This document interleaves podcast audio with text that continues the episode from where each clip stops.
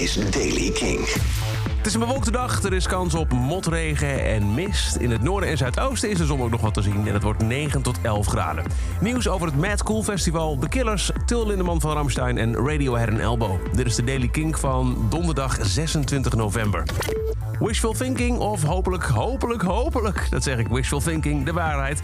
Het Spaanse Mad Cool Festival heeft nieuwe namen bekendgemaakt voor de editie van 2021. Er waren al eerder heel veel namen bekendgemaakt en dat was eigenlijk hoofdzakelijk het behouden van wat er dit jaar had moeten spelen, zoals The Killers en 21 Pilots. Nou, we weten ook dat bepaalde acts zijn afgevallen, zoals London Grammar en Mumford Sons, maar ook dus nieuwe namen. Waarbij onder andere Anderson Paak en de Free Nationals, Editors, Gang of Youths, Haim, Higher Power, Kings of Leon, Leon Bridges, Phoebe Bridgers en The War on Drugs. En al deze namen zijn daarmee ook gelijk kanshebber voor Rock Werchter. The Killers zijn niet genomineerd voor de Grammys, maar zijn daar op een heel grappige manier mee omgegaan. In hoofdletters op Twitter doen ze een trumpje. Observers were not allowed into the counting rooms. We won the Grammys, got loads of legal votes. Twitterden ze. Bad things happened which our observers were not allowed to see. Never happened before. Dozens of ballots were sent to the people who never asked for them. Hallo, dus de killers. Till Lindemann, de frontman van Ramstein, heeft met collega-muzikant Joey Kelly een National Geographic fotoboek uitgebracht. Het Duitsstalige boek heet Amazonas Reise zum Rio Javari en is eh, nu te koop onder andere via de website van Ramstein. Het zijn allemaal foto's gemaakt door Thomas Stachelhaus en Matthias Mattis.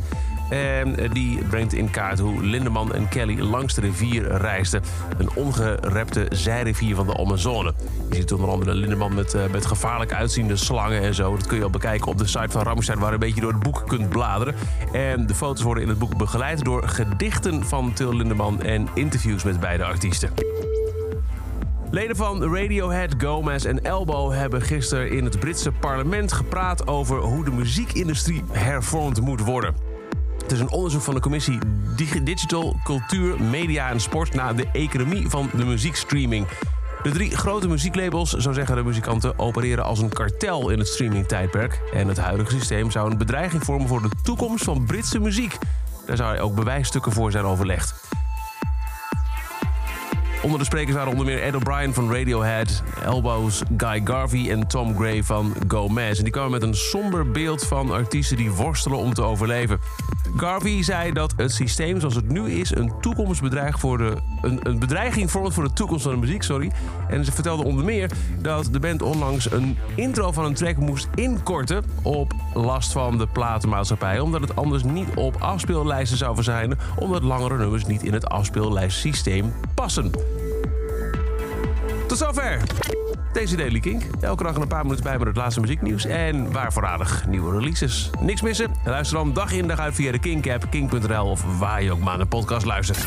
Elke dag het laatste muzieknieuws en de belangrijkste releases in de Daily Kink.